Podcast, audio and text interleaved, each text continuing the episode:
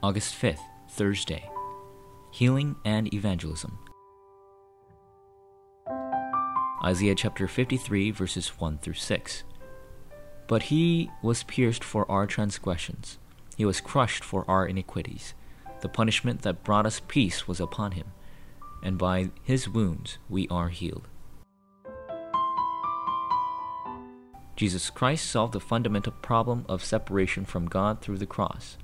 In addition, our lives are healed when we put scheduled prayer, scheduled studies, and scheduled exercise into action. When we focus our prayers and thoughts in the Word, special healing arises. However, without healing arising, many people become diseased. In addition, although there are many people who experience spiritual, physical, and mental suffering, not having received the correct healing through the gospel, they depend on religions, shamans, fortune telling, and so forth, and live their lives wandering. If this is the case, how must we, who have the gospel, do correct healing and evangelism? Number one, the healing works done in religions and organizations. The fact that various religions and organizations do healing ministry is proof that many people are experiencing problems of disease and hardships. The problem is that works arise from the healing ministry that religions and organizations conduct, and that these works spawn greater problems. Because this is not the fundamental healing that God gives, the more you struggle, the greater the problems are that you fall into. Number two, biblical healing. All spiritual problems have a definite origin. If you can unravel this origin through the Word of God, tremendous works of healing arise.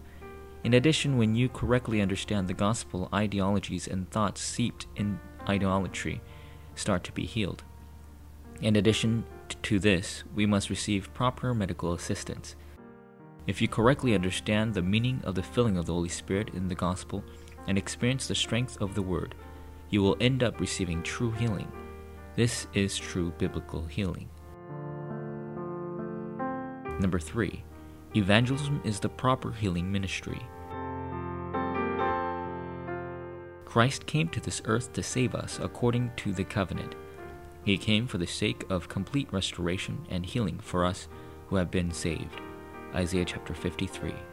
Proclaiming this is what we call evangelism. Therefore, correct healing arises through the evangelism that correctly testifies of the gospel. If you grab hold of the word in the gospel and find true happiness in prayer, you will receive even greater answers and blessings, and you will receive proper healing.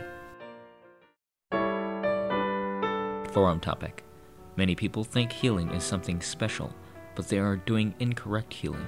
Correct healing is meeting Christ. Find, enjoy the blessing of meeting Christ today, and create a plan to introduce Christ to other people.